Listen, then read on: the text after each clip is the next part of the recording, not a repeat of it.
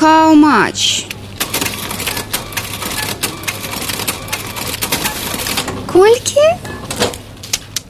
Добрый дзень з вами рубрика хау-матч у якой мы гаворым аб асноўных эканамічных падзеях тыдня сёння мяркуем як улады збіраюцца навесці яшчэ больш парадку ў медыцыне а таксама аб тым чаму ў беларусі кошты растуць хутчэй чым у польшчы нягледзячы на ўсё дзяржаўнае рэгуляванне Новы міністр аховы здароўя Александр Хаджаев паабяцаў уніфікаваць кошт платных паслуг паміж дзяржаўнымі і прыватнымі клінікамі. Сказаў, што гэта зараз становіцца адной з галоўных мэтаў яго міністэрства. Вось што сказаў Хаджаев. Стоит задача решить проблему, то есть разбежка цены по всем компонентам оказываемой помощи. Мы должны быть равны, равны перед законом и э, равны перед условиями и в условиях, в которых мы работаем. То есть и тогда, наверное, и цены будут близки друг к другу, и социальная нагрузка и ответственность э, наших э, частных партнеров будет чуть другой. Таму што для міністра Хаджаева, як у прынцыпе для нашай улады самая галоўная сацыяльная справядлівасць. Ну не можа міністр Хаджаев дапусціць, каб у прыватнай клініцы ўрач браў за кансультацыю 50 рублёў, калі ў дзяржаўнай плацяць 15. Хаця здавалася б усё лагічна рэшту дзяржаўныя клінікі атрымліваюць з падаткаў якія мы беларускай дзяржаве ўжо заплацілі але калі нашыя ўлады наводзяць сабе сацыяльную справядлівасць пра такія малазначныя дэталі яны звычайна не ўзгадваюць бо у сацыяльнай справядлівасці пры лукашэнку галоўнае што у сацыяльнай справядлівасці галоўнае каб не было багатых каб ніхто не мог зарабіць больш чым лічаць справядлівым нашыя чыноўнікі Хаця на самой справе прадказаць наступствы уніфікацыі коштаў у адпаведнасці з прынцыпамі сацыяльнай справядлівасці нятрудна. У краіне стане менш прыватных клінік, яшчэ менш дактароў, у пацыентаў будзе менш выбару, а кошты ў дзяржаўных клініках у рэшце рэшт вырастуць, бо ў дзяржаўных клінік стане менш канкурэнцыі. Насамрэч я чаму так упэўнены, бо мы ўжо гэта праходзілі і ўсе гэтыя наступствы ўжо бачылі. Таму што гэта не першы раз, калі нашыя ўлады наводзяць сабе сацыяльную справядлівасць у нашай медыцыне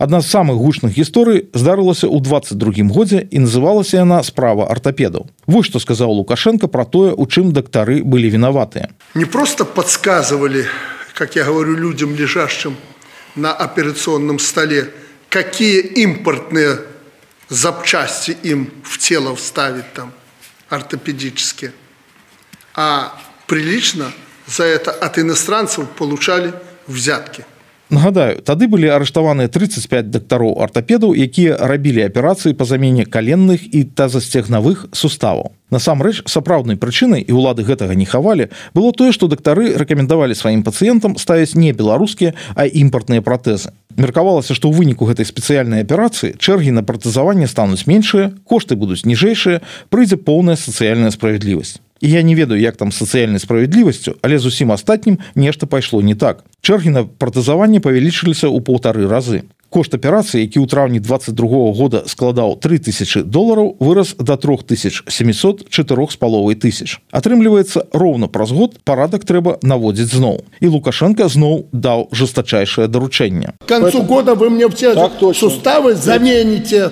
Заменим. Ну концу года мы всех не заменим мы сделаем 10 да еще как заменишь Один будет менять, а двое зашивать рану. Идите и организовывайте. Ну вось конец года. Гэта значит контрольная дата до якой трэба было заменіць усе суставы міну схема один мяняе двое зашиваюць чамусьці не спрацавала. Калі на пачатку восені замены тазасцегнавага сустава чакалі 11485 чалавек то паводле слоў міністра аховы здароўя пастане на сярэдзіну лютага сваёй чаргі чакалі 11779 чалавек. То бок на 300 чалавек болей. Что говорит о том что эта проблема систематично решается и она будет решена. Я так разумею, што сістэматычнасць тут палягае ў тым, што спачатку ўлады ствараюць праблему, потым яе вырашаюць. ствараюць новую праблему, вырашаюць ізноў. Дакладна гэтак жа ўсё адбываецца цяпер з коштамі. За апошні час перамогу над інфляцыяй паспелі адсвяткаваць усе нашыя службоўцы. Вось што сказаў пару дзён таму міністр эканомікі Юры Чабатар. Інфляцыя 5,8 процентов роста это гораздо ніже, который мы закладывалі. Сапраўды 5,8 процента не самы дрэнны вынік. Бывала горш і можна было б нават ганарыцца, але ўсё пазнаецца ў параўнанні. Вось нашыя ўлады любяць расказваць пра гаротнае становішча Польшы.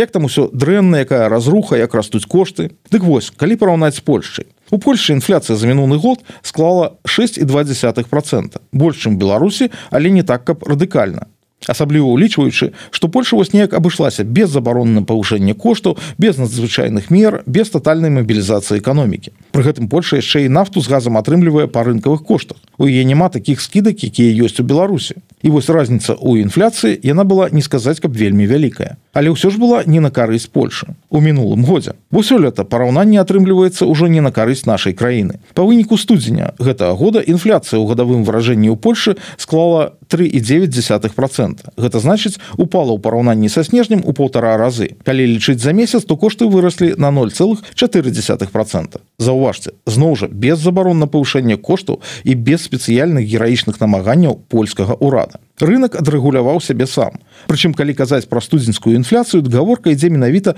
пра самарэгуляцыю рынка у абсалютна класічным разуменні. Польскія эканамісты адной з галоўных прычын запаволення інфляцыі лічаць саперніцтва гандлёвых сетак за пакупнікоў якое цяпер якраз абвастрылася. Каб прыцягнуць больш пакупнікоў гандлёвыя сеткі спаборнічаюць хто можа прапанаваць ім лепшыя зніжкі. Адпаведна зніжаюцца кошты запавольваецца інфляцыя і польскаму ўраду не даводзіцца прыкладаць там нейкіх гераічных намаганняў. Польскія прафсаюзы не бегаюць па магазинах з цанавымі рэйдамі. І польскіх прадаўцоў не даводзіцца прыцягваць да адказнасці за неабгрунтаванае павышэнне кошту Таму што калі польскі прадавец неабгрунтавана павысіць кошты то яго пакарае не камітэт дзяж кантролю а пакупнікі якія сыдуць за пакупкамі ў іншую гандлёвую сетку. А што ж у гэты час у беларусі А ў беларусі гадавая інфляцыя па выніках студзеня вырасла до 5,9 процента. У полторы раза вышэй чым у польшчы за месяц паводле звестак белстата кошты павялічыліся на 0,8 процента то бок раслі ў два разы хутчэй і гэта ўлічваючы што рэгуляванне коштаў нікуды не падзелася наадварот